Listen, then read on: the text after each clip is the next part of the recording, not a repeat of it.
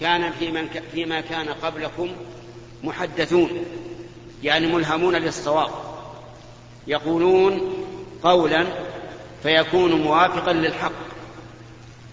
وهذا من كرامة الله للعبد أن الإنسان إذا قال قولا أو أفتى بفتوى أو حكم بحكم تبين له بعد ذلك أنه مطابق للحق. فعمر رضي الله عنه من أشد الناس توفيقا للحق. كما سيأتي إن شاء الله تعالى فيما يذكره المؤلف من أمثلة لذلك. قال النبي عليه الصلاة والسلام فإن يكن فيكم محدثون فعمر. يعني إن كان فيكم محدثون فعمر. ويحتمل قوله إن يكن فيكم أنه خطاب لقوم مجتمعين. ليس فيهم أبو بكر. ويحتمل أنه خطاب للأمة كلها ومن ضمنهم أبو بكر رضي الله عنه. فإن كان الأول فلا إشكال. وإن كان الثاني فقد يقول قائل كيف يكون عمر ملهما وأبو بكر ليس كذلك؟ فيقال إن أبا بكر رضي الله عنه يوفق للصواب بدون إلهام بمعنى أنه رضي الله عنه من ذات نفسه بتوفيق الله عز وجل يوفق للصواب. ويدل على هذا عدة مسائل. يعني يدل على أن أبا بكر أشد توفيقا للصواب من عمر عدة مسائل. أولا في صلح الحديبية لما اشترط اشترطت قريش على النبي صلى الله عليه وسلم شروطا يبدو أنها ثقيلة عظيمة. عمل عمر رضي الله عنه على إبطالها وجاء إلى النبي عليه الصلاة والسلام يراجعه في ذلك ويقول كيف نعطي الدنية في ديننا؟ كيف نشترط على أنفسنا أن من جاءنا منهم مسلما رددناه إليه إليهم ومن جاءهم منا لا يردونه؟ هذا ثقيل. ولكن النبي صلى الله عليه وسلم قال له إني رسول الله. ولست أعصيه وهو ناصري. فذهب عمر إلى أبي بكر. يريد أن أن يستنجد به في إقناع الرسول صلى الله عليه وسلم. فكلم أبا بكر. فقال له أبو بكر مثل مثل قول النبي صلى الله عليه وسلم لعمر سواء بسواء. قال إنه رسول الله وليس بعاصيه وهو ناصره. فاستمسك بغرسه يعني لا يكون عندك شك في أمره. هذه واحدة. إذا من الموفق للصواب في هذا؟ أبو بكر. لا شك. كذلك أيضا في موت الرسول عليه الصلاة والسلام. لما شاع الخبر في المدينة أن النبي صلى الله عليه وسلم مات قام عمر في الناس اجتمع الناس في المسجد وقام عمر فيهم وقال إنه لم يمت وإنما صعق ولا, ولا, ولا يبعثنه الله فلا يقطعن أيدي أرجل وأيديهم من خلاف. أيدي أقوام وأرجلهم من خلاف. وأنكر أن يكون قد مات. وكان أبو بكر قد خرج ذلك اليوم إلى بستان له خارج المدينة فلما رجع وجد النبي صلى الله عليه وسلم قد مات حقا. فخرج إلى المسجد وصعد المنبر وقال كلماته المشهورة التي تكتب بأغلى من ماء الذهب. قال أما بعد أيها الناس من كان يعبد محمدا فإن محمدا قد مات ومن كان يعبد الله فإن الله حي لا يموت. ثم قرأ قول الله تعالى إنك ميت وإنهم ميتون. وقوله تعالى وما محمد إلا رسول قد خلت من قبله الرسل. أفإن مات أو قتل انقلبتم على أعقابكم. قال عمر فوالله ما أنت لها أبو بكر حتى عقرت. فما تحملني رجلاي. يعني لأن الإنسان إذا خاف واشتد به الشيء ما يقدر يأبى هذه هذه ثانية. الثالثة أنه لما توفي الرسول عليه الصلاة والسلام ارتد من ارتد من العرب. كفروا والعياذ بالله. وكان النبي صلى الله عليه وسلم قد جهز جيشا أميره أسامة بن زيد ليقاتل أدنى أهل الشام. والجيش كان ظاهر المدينة ولكن لم يسيروا بعد. ولما ارتد العرب جاء عمر إلى أبي بكر وقال لا ترسل الجيش نحن في حاجة. فقال له أبو بكر والله لا أحلن راية عقدها رسول الله صلى الله عليه وسلم. وسيرهم أبو بكر. فكان الصواب مع أبي بكر رضي الله عنه. لأن الناس لما سمعوا أن أهل المدينة أرسلوا الجيوش إلى أطراف الشام قال هؤلاء قالوا هؤلاء عندهم قوة ولا يمكن أن نرتد. فامتنع كثير من الناس عن الردة وبقوا في الإسلام. فالمهم أن أبا بكر رضي الله عنه أبلغ من عمر رضي الله عنه في إصابة الصواب لا سيما في المواضع الضنكة الضيقة. فعلى كل حال كلا الرجلين رضي الله عنهما وجمعنا وإياكم بهما في جنات النعيم كلاهما موفق للصواب. وكلما كان الإنسان أقوى إيمانا بالله وأكثر طاعة لله وفقه الله تعالى للحق بقدر ما معه من العلم والإيمان والعمل الصالح. تجده مثلا يعمل عمل يظنه صوابا لكن بدون أن يكون عنده دليل من القرآن والسنة فإذا راجع أو سأل وجد أن عمله مطابق للكتاب والسنة. وهذه من الكرامات. فعمر رضي الله عنه قال فيه الرسول عليه الصلاة والسلام إن يكن فيكم محدثون فإنه عمر. وسيأتي إن شاء الله الكلام على حديث جابر بن سمرة في الدرس القادم. الحمد لله رب العالمين والصلاة والسلام على نبينا محمد وعلى آله وصحبه أجمعين. قال نقل المؤلف رحمه الله تعالى في سياق الأحاديث في باب كرامات الأولياء وفضلهم. عن جابر بن سمرة رضي الله عنهما قال شكى أهل الكوفة سعدا يعني ابن أبي وقاص رضي الله عنه إلى عمر بن الخطاب رضي الله عنه فعزله. واستعمل عليهم عمارا فشكوا حتى ذكروا أنه لا يحسن يصلي فأرسل إليه فقال يا أبا إسحاق إن هؤلاء يزعمون أنك لا تحسن تصلي. فقال أما أنا والله فإني كنت أصلي بهم صلاة رسول الله صلى الله عليه وسلم لا أخرم عنها. أصلي صلاتي العشاء فأركض في الأوليين وأخف في الأخريين. قال ذلك الظن بك يا أبا إسحاق. وأرسل معه رجلا وأرسل معه رجلا أو رجالا إلى الكوفة يسأل عنه أهل الكوفة فلم يدع مسجدا إلا سأل عنه ويثنون معروفا حتى دخل مسجدا لبني عبس فقام رجل منهم. يقال له أسامة بن قتادة يكنى أبا سعدة فقال أما إذ نشدتنا فإن سعدا كان لا يسير بالسرية ولا يقسم بالسوية ولا يعدل في القضية. قال سعد أما والله لأدعون بثلاث. اللهم إن كان عبدك هذا كاذبا قام رياء وسمعة فأطل عمره. وأطل فقره وعرضه للفتن. وكان بعد ذلك إذا سئل يقول شيخ كبير مفتون أصابتني دعوة سعد. قال عبد الملك بن عمير الراوي عن جابر بن سمرة فأنا رأيته بعد قد سقط حاجباه على, عيني على عينيه من الكبر وإنه ليتعرض للجواري في الطرق فيغمزهن. متفق عليه.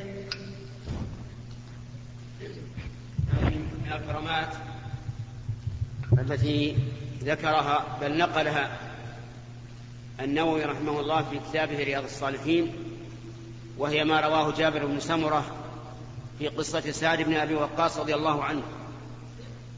وكان سعد معروفا بإجابة الدعوة يعني أن الله أعطاه كرامة وهو أنه تعالى يجيب دعوته إذا دعا. وقد جعله أمير المؤمنين عمر بن الخطاب أميرا على أهل الكوفة. لأن المسلمين لما فتحوا العراق مصروا الأمصار وجعلوا البصرة والكوفة. وهما أشهر ما يكون في العراق. ثم إن أمير المؤمنين جعل لهما أمراء. فأمر سعد بن أبي وقاص على الكوفة. فشكاه أهل الكوفة, أهل الكوفة إلى أمير المؤمنين عمر. حتى قالوا إنه لا يحسن أن يصلي. وهو صحابي جليل. شهد له النبي صلى الله عليه وسلم بالجنة. فأرسل إليه عمر فحضر وقال إن أهل الكوفة شكوك. حتى قالوا إنك لا تحسن لا تحسن أن تصلي. فأخبره سعد رضي الله عنه أنه كان يصلي بهم صلاة النبي صلى الله عليه وعلى آله وسلم وذكر صلاة العشاء وكأنها والله أعلم هي التي وقع تعيينها من هؤلاء الشكاة. فقال إني لأصلي بهم صلاة رسول الله صلى الله عليه وعلى آله وسلم لا أخرم عنها. يعني معناه لا أدعها أستمر. فكنت أطول في العشاء في الأوليين وأقصر في الأخريين. فقال له عمر رضي الله عنه ذلك الظن بك يا أبا إسحاق. فزكاه عمر لأن هذا هو الظن به أنه يحسن الصلاة وأنه يصلي بقومه الذين أمر عليهم صلاة النبي صلى الله عليه وعلى آله وسلم. ولكن مع ذلك تحرى عمر رضي الله عنه لأنه يتحمل مسؤولية ويعرف قدر المسؤولية. أرسل رجالا إلى أهل الكوفة يسألهم عن عن سعد وعن سيرته. فكان هؤلاء الرجال لا يدخلون مسجدا ويسألون عن سعد إلا أثنوا عليه معروفا. حتى أتى مسجد لبني عبس فسألهم حتى أتى هؤلاء الرجال إلى مسجد بني عبس فسألوهم فقام رجل فقال أما إن نشدتون أما إن نشدتونا فإن هذا الرجل لا يعدل في القضية ولا يسير في السرية. ثالث.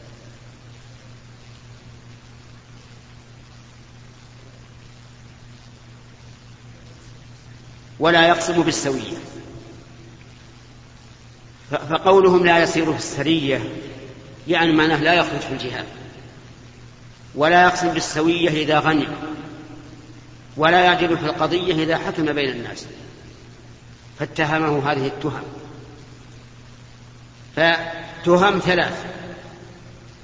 فقال أم أما إن قلت كذا فلا أدعون عليك بثلاث دعوات. دعا عليه أن يطيل الله تعالى عمره وفقره ويعرضه للفتن. نسأل الله العافية. ثلاث, ثلاث دعوات عظيمة. لكنه رضي الله عنه استثنى. قال إن كان عبدك هذا قام رياء وسمعة. يعني لا بحق. فأجاب الله دعاءه. فكان هذا الرجل طويل العمر. عمر طويلا وشاخ حتى إن حاجبيه سقطت على عينيه من الكبر وكان فقيرا وعرض للفتن حتى إنه في هذه الحال وهو كبير إلى هذا الحد يتعرض للجواري يعني للبنات يتعرض لهن في الأسواق يغمزهن والعياذ بالله. وكان يقول عن نفسه شيخ مفتون كبير أصابتني مو... دعوة سعد دعوة سعد. فهذا من من الكرامات التي أكرم الله بها سعد بن أبي وقاص رضي الله عنه. وفيه من الفوائد فوائد عديدة. منها أن من تولى أمرا للناس فإنه لا يسلم منهم مهما كانت منزلته. لا بد أن يناله السوء. ولهذا قال ابن الوردي في منظومته المشهورة التي أولها اعتزل ذكر الأغاني والغزل وقل الفصل وجانب من هزل ودع الذكرى لأيام الصبا فلأيام الصبا نجم أفل. قال فيها من جملة ما قال من الحكم إن نصف الناس أعداء لمن ولي الأحكام هذا إن عدل. ومن من الفوائد أيضا جواز دعاء الضال المظلوم على ظالمه بمثل ما ظلمه. كما دعا سعد بن أبي وقاص رضي الله عنه بهذه الدعوات على من ظلمه. ومن فوائدها أن الله تعالى يستجيب دعاء المظلوم. ولهذا قال النبي صلى الله عليه وعلى آله وسلم لمعاذ بن جبل حين بعثه إلى اليمن وأمره أن يأخذ الزكاة من أموالهم قال إياك وكرائم أموالهم واتق دعوة المظلوم فإنه ليس بينها وبين الله حجاب. فالمظلوم يستجيب الله دعاءه ولو كان كافرا حتى له كافر فيظلم ويدعو الله على من ظلمه أجاب الله دعاءه. لأن الله حكم عدل عز وجل يأخذ بالنصر والعدل لمن كان مظلوما ولو كان كافرا. فكيف إذا كان مسلما؟ ومن فوائد هذا الحديث أنه يجوز للإنسان أن يستثني في الدعاء. إذا دعا على شخص يستثني فيقول اللهم إن كان كذا فافعل به كذا. اللهم إن كان ظلمني فأنصف منه. أو فابتله بكذا وكذا. تدعو بمثل ما ظلمك. وقد جاء الاستثناء في الدعاء في القرآن الكريم. فقال الله تبارك وتعالى والذين يرمون أزواجهم ولم يكن لهم شهداء إلا أنفسهم فشهادة أحدهم أربع شهادات بالله إنه لمن الصادقين. والخامسة أن لعنة الله عليه إن كان من الكاذبين. ويدرأ عنها العذاب أن تشهد أربع شهادات بالله إنه لمن الكاذبين والخامسة أن غضب الله عليها إن كان من الصادقين. ومن فوائد هذا الحديث أيضا حرص أمير المؤمنين عمر بن الخطاب رضي الله عنه على الرعية وتحمله وتحمله المسؤولية وإحساسه بها وشعوره بها رضي الله عنه. ولهذا اشتهر اشتهر بعدالته وحسن سياسته في الأمور كلها الحربية والسلمية والدينية والدنيوية. فهو في الحقيقة خير الخلفاء بعد أبي بكر. بل هو حسنة من حسنات أبي بكر لأن الذي ولاه على المسلمين هو أبو بكر رضي الله عنه. فالحاصل أن هذا الحديث فيه فوائد نقتصر الرحيم. الحمد لله رب العالمين والصلاة والسلام على نبينا محمد وعلى آله وصحبه أجمعين. نقل المؤلف رحمه الله تعالى في سياق الأحاديث في باب كرامات الأولياء وفضلهم. عن عروة بن الزبير أن سعيد بن زيد بن عمرو بن نفيل رضي الله عنه خاصمته أروى بنت أوس إلى مروان بن الحكم. وادعت أنه أخذ شيئا من أرضها فقال سعيد أنا كنت آخذ من أرضها شيئا بعد الذي سمعت من رسول الله صلى الله عليه وسلم. قال ماذا سمعت من رسول الله صلى الله عليه وسلم؟ قال سمعت رسول الله صلى الله عليه وسلم يقول من أخذ شبرا من الأرض ظلما طوقه إلى سبع أراضين فقال له مروان لا أسألك بينة بعد هذا. فقال سعيد اللهم إن كانت كاذبة فأعم بصرها واقتلها في أرضها. قال فمات فما ماتت حتى ذهب بصرها وبينما هي تمشي في أرضها إذ وقعت في حفرة فماتت متفق عليه. وفي رواية لمسلم عن محمد بن زيد بن عبد الله بن عمر بمعناه وأنه رآها عمياء تلتمس الجدر تقول أصابتني دعوة سعيد وأنها مرت على بئر في الدار التي خاصمته فيها فوقعت فيها وكانت قبرها.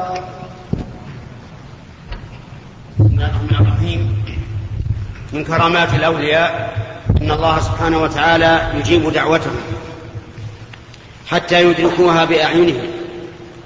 فهذا سعيد بن زيد بن عمر بن نفي رضي الله عنه أحد العشرة المبشرين بالجنة. خاصمته امرأة ادعت أنه أخذ شيئا من أرضها. فخاصمته عند مروان فقال أنا آخذ من أرضها شيئا بعدما سمعت من رسول الله صلى الله عليه وعلى آله وسلم قالوا وماذا سمعت؟ قال سمعت النبي صلى الله عليه وعلى آله وسلم يقول من اقتطع شبرا من الأرض ظلما طوقه الله به يوم القيامة من سبع أراضين أو طوقه يوم القيامة من سبع أراضين يعني فكيف آخذ منها بعد أن سمعت بعد أن سمعت هذا من رسول الله صلى الله عليه وعلى آله وسلم؟ كل مؤمن يؤمن بالله ورسوله. إذا سمع مثل هذا الخبر الصادر عن الصادق المصدوق صلوات الله وسلامه عليه فإنه لا يمكن أن يظلم أحدا من أرضه ولا شبرا. فإن فالرسول عليه الصلاة والسلام يخبر أنك لو أخذت شبرا من الأرض وقيده بالشبر من باب المبالغة وإلا فإن أخذ أقل من ذلك ولو سنت واحدا فإنه يطوق به يوم القيامة من سبع أراضين إذا كان يوم القيامة جاءت هذه القطعة التي أخذها مطوقة في عنقه من سبع أراضين. لأن الأرضين سبع طباق. كما قال الله تعالى الله الذي خلق سبع سماوات ومن الأرض مثلهن. والإنسان إذا ملك أرضا ملك قعرها إلى أسفل السافلين إلى الأرض السابعة. وإذا ملكها أيضا ملك هواءها إلى الثريا. لا أحد يستطيع أن يبني فوقه جسرا أو أن يحفر تحته خندقا لأن الأرض له إلى أسفل السافلين وإلى أعلى السماء. كلها له. إذا كان يوم القيامة وهذا قد اقتطع شبرا من الأرض غير حق فإنه يأتي يوم القيامة مطوقا به عنقه نسأل الله العافية. وعند من؟ عند جميع العالم. كل شيء محشور يوم القيامة حتى الوحوش تحشر حتى الإبل حتى البقر حتى الغنم كلها تحشر يوم القيامة. وهذا يشاهد حاملا هذه الأرض والعياذ بالله. من سبع أراضين. ولهذا قال النبي صلى الله عليه وسلم لعن الله من غير منار الأرض. غير منارها أي غير مراسيمها. فأدخل شيئا ليس له. وفي هذا دليل على أن غصب الأرض أو أخذ شيء بغير حق من كبائر الذنوب. لأن عليه هذا الوعيد العظيم اللعن وأنه يحمل به يوم القيامة. فما بالك بقوم اليوم يأخذون أميالا؟ بل أميال الأميال والعياذ بالله بغير حق. يأخذونها يضيقون بها مراعي المسلمين ويحمون ويحرمون المسلمين من مراعيهم أو من طرقهم أو من مسيل أوديتهم أو ما أشبه ذلك.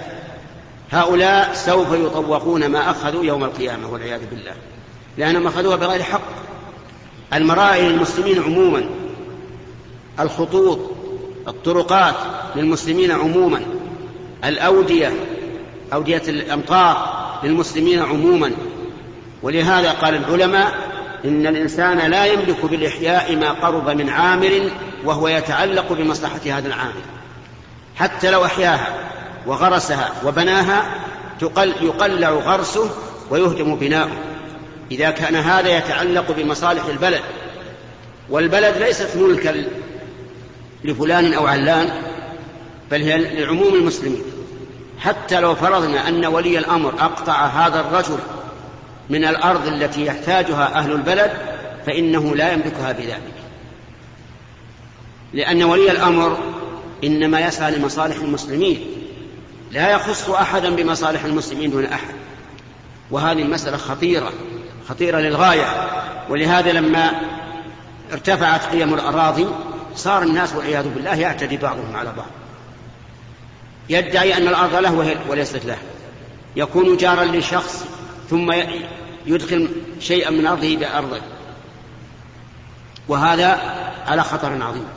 حتى إن العلماء أقول لكم كلاما تعجبون منه قالوا لو أن الإنسان بنى جدارا ثم زاد في تشبيعه في لياصته إذا زاد في لياصته دخل على السوق سنتيمتر اللياصة فقط فإنه يكون ظالما. ويكون بذلك معاقبا عند الله يوم القيامة. إلى هذا الحد. الناس الآن والعياذ بالله يبلعون. يبلعون أميالا أو أمتارا مع هذا الوعيد الشديد. سعيد بن زيد رضي الله عنه لما حدث مروان بهذا الحديث قال الآن لا أطلب عليك بين لأنه عرف أن سعيدا لا يمكن أبدا أن يأخذ من أرض هذه المرأة بدون حق. أما المرأة فقال سعيد رضي الله عنه اللهم إن كانت كاذبة فأعمي بصرها وأهلكها في أرضها. فماذا كان؟ كانت هذه المرأة أعماها الله عز وجل قبل أن تموت. وبينما هي تمشي في أرضها ذات يوم إذ سقطت في بئر فماتت فكانت البئر قبرها. في نفس الأرض التي كانت تخاصم سعيد بن زيد بها. وهذا من كرامة الله عز وجل لسعيد بن زيد. أن الله أجاب دعوته وشاهدها حيا قبل أن يموت. وقد سبق لنا أن المظلوم تجاب دعوته ولو كان كافرا. إذا كان مظلوما لأن الله تعالى ينتصر للمظلوم من الظالم لأنه جل وعلا حكم عدل. لا, لا, لا يظلم ولا يمكن أحد من الظلم. وقد قال الله تعالى في القرآن الكريم كلام رب العالمين قال إنه لا يفلح الظالمون. فالظالم لن يفلح أبدا. ولذلك انظر إلى هذه القصة وإلى قصة سعد بن أبي وقاص التي مضت أمس. كيف أجاب الله الدعوة؟ بل مضت قبل أمس. كيف أجاب الله الدعوة؟ دعوة هذا. وهذا هي عادة الله سبحانه وتعالى في عباده. نسأل الله أن يحمينا وإياكم مما يغضبه لا حول ولا قوة لا حول ولا قوة إلا بالله.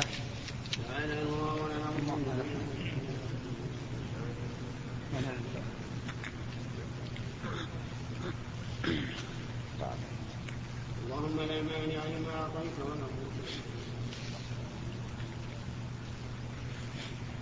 بسم الله الرحمن الرحيم. الحمد لله رب العالمين والصلاة والسلام على نبينا محمد وعلى آله وصحبه أجمعين.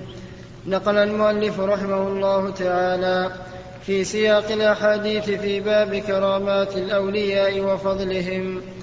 عن جابر بن عبد الله رضي الله عنهما قال لما حضرت لما حضرت أحد دعاني أبي من الليل فقال ما أراني إلا مقتولا في أول من يقتل من أصحاب النبي صلى الله عليه وسلم وإني لا أترك بعدي أعز علي منك غير نفس رسول الله صلى الله عليه وسلم وإن علي دينا فاقض واستوص بأخواتك خيرا فأصبحنا فكان أول قتيل ودفنت معه آخر في قبره ثم لم تطب نفسي أن أترك أن أترك أن أتركه مع آخر فاستخرجته بعد ستة أشهر فإذا هو كيوم وضعته غير أذنه فجعلته في قبر على حدة رواه البخاري.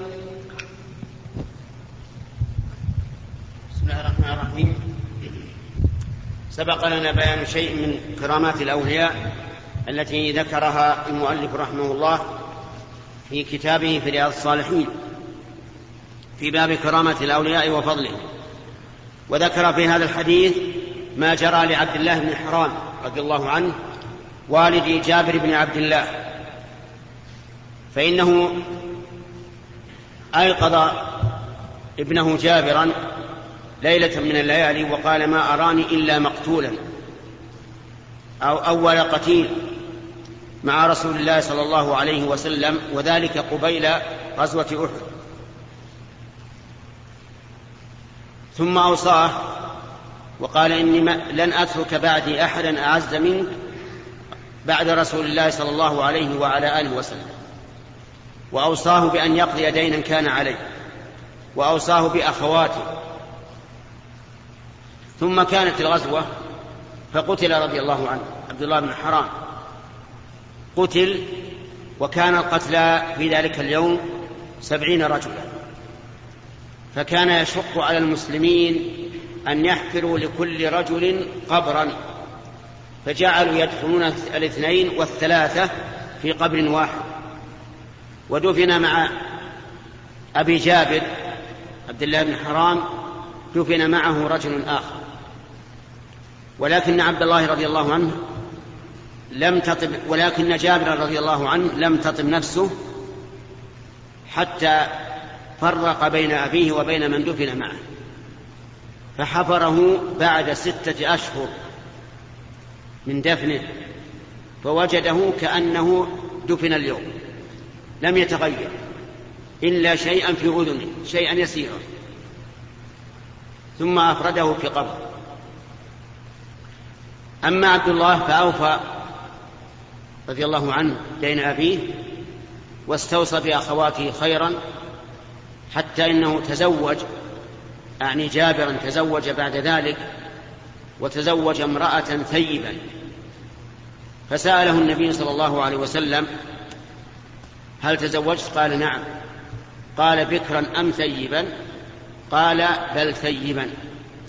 قال فهل لا تزوجت بكرا؟ تلاعبك وتلاعبها وتضاحكك وتضاحكها فقال يا رسول الله إن أبي ترك أخوات لي وذكر أنه أخذ الثيب لتقوم عليهن. في هذا من كرامة أبي جابر وهو عبد الله بن حرام أنه رضي الله عنه صدق الله رؤياه. فصار أول, أول قتيل. في أحد. دفن ولم تأكل الأرض منه شيئا إلا يسيرا وقد مضى عليه ستة أشهر. وهذا من كراماته. واعلم أن الإنسان إذا دفن فإن الأرض تأكله. لا يبقى إلا عجب الذنب. عجب الذنب هذا يكون كالنواة لخلق الناس يوم القيامة. تنبت منه الأجساد. إلا الأنبياء عليهم الصلاة والسلام فإن الأرض لا تأكله كما قال النبي صلى الله عليه وعلى آله وسلم إن الله حرم على الأرض أن تأكل أجساد الأنبياء. أما غير الأنبياء فإن الأرض تأكله لكن قد يمنع الله الأرض أن تأكل أحدا كرامة له. والله الموفق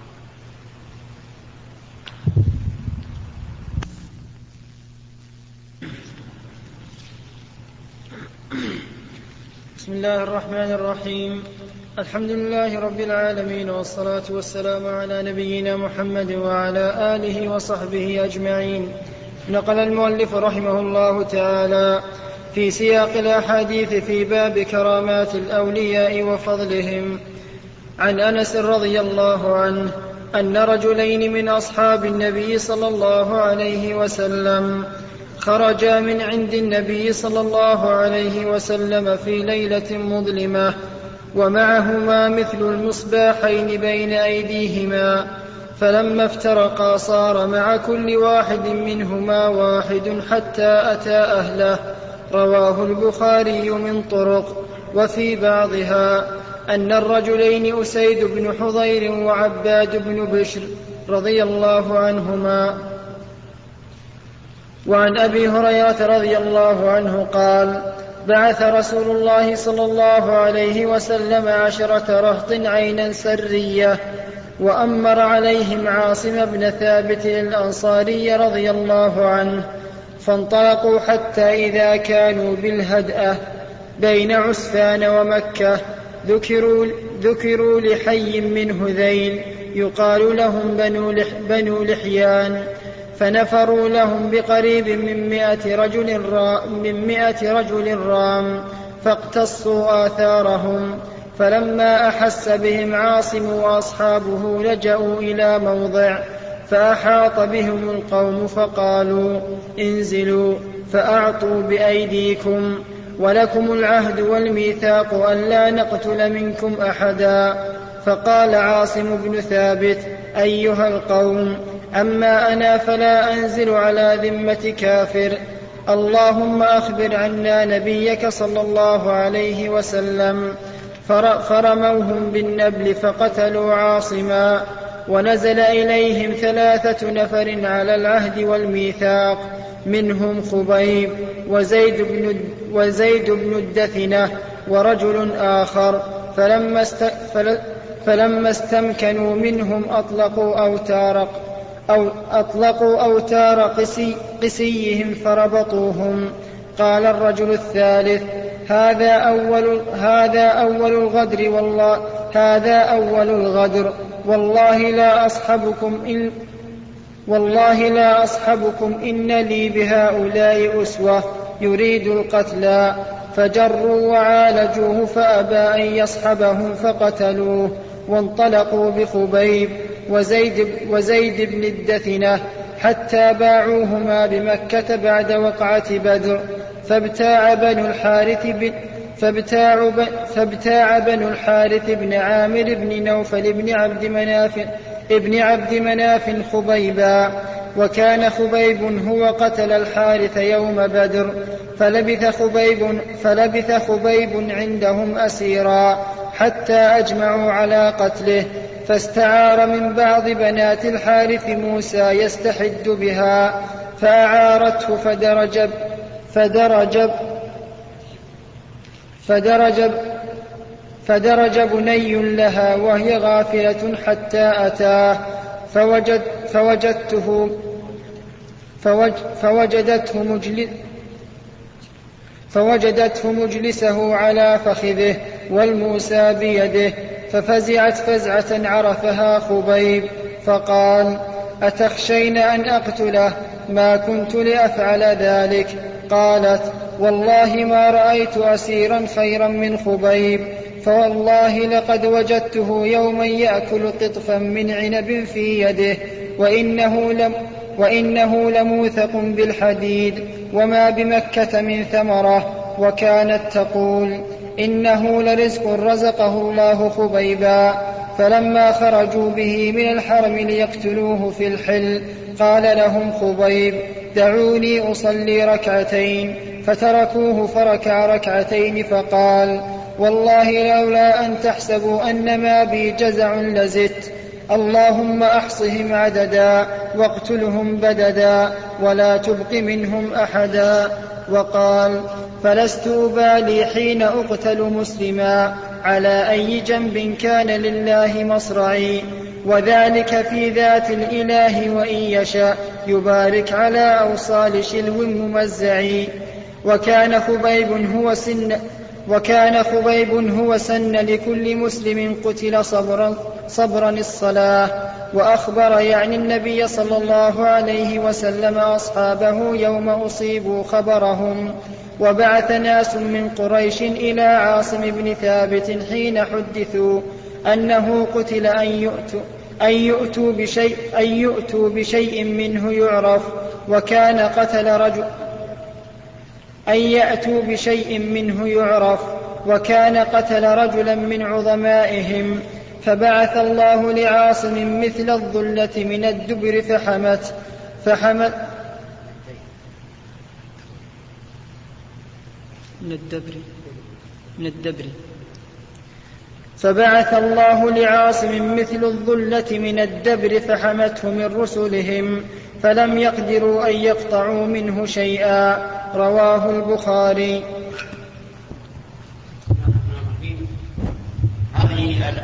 هذان حديثان ساقهما.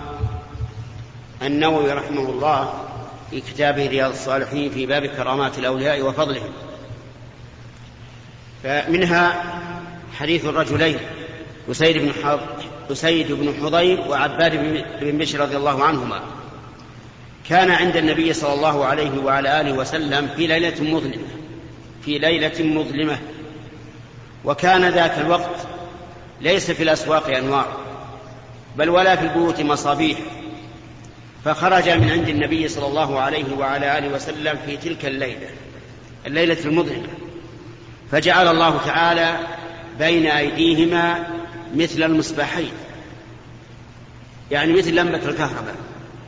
يضيء لهما الطريق. وليس هذا من فعلهما ولا بسبب منهما ولكن الله تعالى خلق نورا يسعى بين أيديهما حتى تفرقا وتفرق النور مع كل واحد منهم حتى بلغ بيوتهما. وهذا من كرامة الله عز وجل. من كرامة الله أن الله تعالى يضيء للعبد الطريق. الطريق الحسي وفائدته حسية فإن هذين الرجلين رضي الله عنهما وأرضاهما مشيا في إضاءة وفي نور بينما الأسواق ليس فيها إضاءة ولا أنوار والليلة مظلمة. فقيض الله لهما هذا النور. هناك أيضا نور معنوي يقذفه الله تعالى في قلب المؤمن كرامة له. تجد بعض العلماء يفتح الله عليه من العلوم العظيمة الواسعة في كل فن ويرزقه ويرزقه الفهم والحفظ والمجادلة. ومن ومن هؤلاء العلماء شيخ الإسلام ابن تيمية رحمه الله عليه. فإن هذا الرجل من الله به على الأمة الإسلامية وما زالت الأمة الإسلامية تنتفع بكتبه إلى يومنا هذا. وقد توفي سنة سبعمائة وثمان وعشرين. يعني له مئات السنين. والأمة تنتفع بكتبه. وقد أعطاه الله تعالى علما عظيما. وفهما ثاقبا. وقوة في المجادلة. ولا أحد يستطيع أن يجادله في شيء. أبدا. ما قام له أحد. حتى أنه رحمه الله قال أي إنسان يجادلني بالباطل ويستدل بآية أو حديث فإني أنا سأجعل الآية والحديث دليلا عليه وليست دليلا له. وهذه من نعمة الله عز وجل أن الله تعالى يعطي الإنسان قدرة إلى هذا الحد وحتى إنه يتكلم مع المجادلين ويناظرهم ثم يقول لهم انظروا إلى إلى قول فلان من زعمائهم في كتابه الفلاني. وأتباع هذا الرجل الذي يجادلنا فيه شيخ الإسلام لا يعلمون عن, عن كتبه شيئا وهو يعلم ما في كتبه. ومناظرته في العقيدة الواسطية مع القاضي المالكي عجيبة. كان القاضي المالكي يحاول أن السلطان يبطش به لكنه يقول هذا لا يمكن ولا يجري على مذهبكم ولا يجري على مذهبكم يا أنتم أيها المالكية قلتم كذا وكذا. ولا يمكن أن يدينني الوالي بهذا الذي ذكرت بناء على مذهبكم. فيبهت الرجل. كيف يعرف من مذهبنا ما لا نعرفه؟ وله أيضا رحمه الله في كل فن يد واسعة في كل فن له يد واسعة كان عالما بالنحو والعربية والصرف والبلاغة. حتى أن تلميذه ابن القيم رحمه الله في بدائع الفوائد بحث بحثا دقيقا جدا جدا في الفرق بين مدح وحمد وكيف تفرق اللغة العربية بين المعا... بين المعاني في الكلمات بتقديم حرف أو تأخير. وأتى ببحث عجيب. ثم قال وكان شيخنا رحمه الله إذا تكلم بالكل... بهذا أتى بالعجب العجاب. يعني في مسائل اللغة والصرف وكان شيخنا إذا تكلم في هذا أتى بالعجب العجاب. ولكنه كما قال الشاعر تألق البرق نجديا فقلت له إليك عني فإني عنك مشغول. يعني شيخ الإسلام مشتغل بما هو أكبر من مسألة مسألة نحوية أو, أو, أو بلاغية أو صرفية. هو مشغول بأكثر من هذا.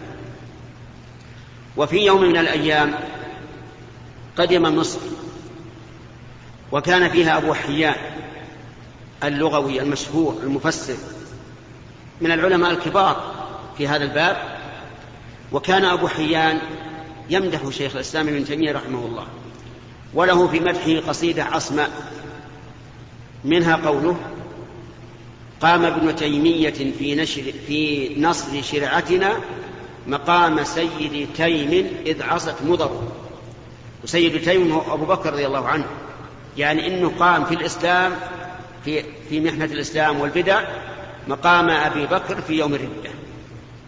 ومدح بقصيدة عصماء. فلما قدم مصر من فضلك اقلب الشريط.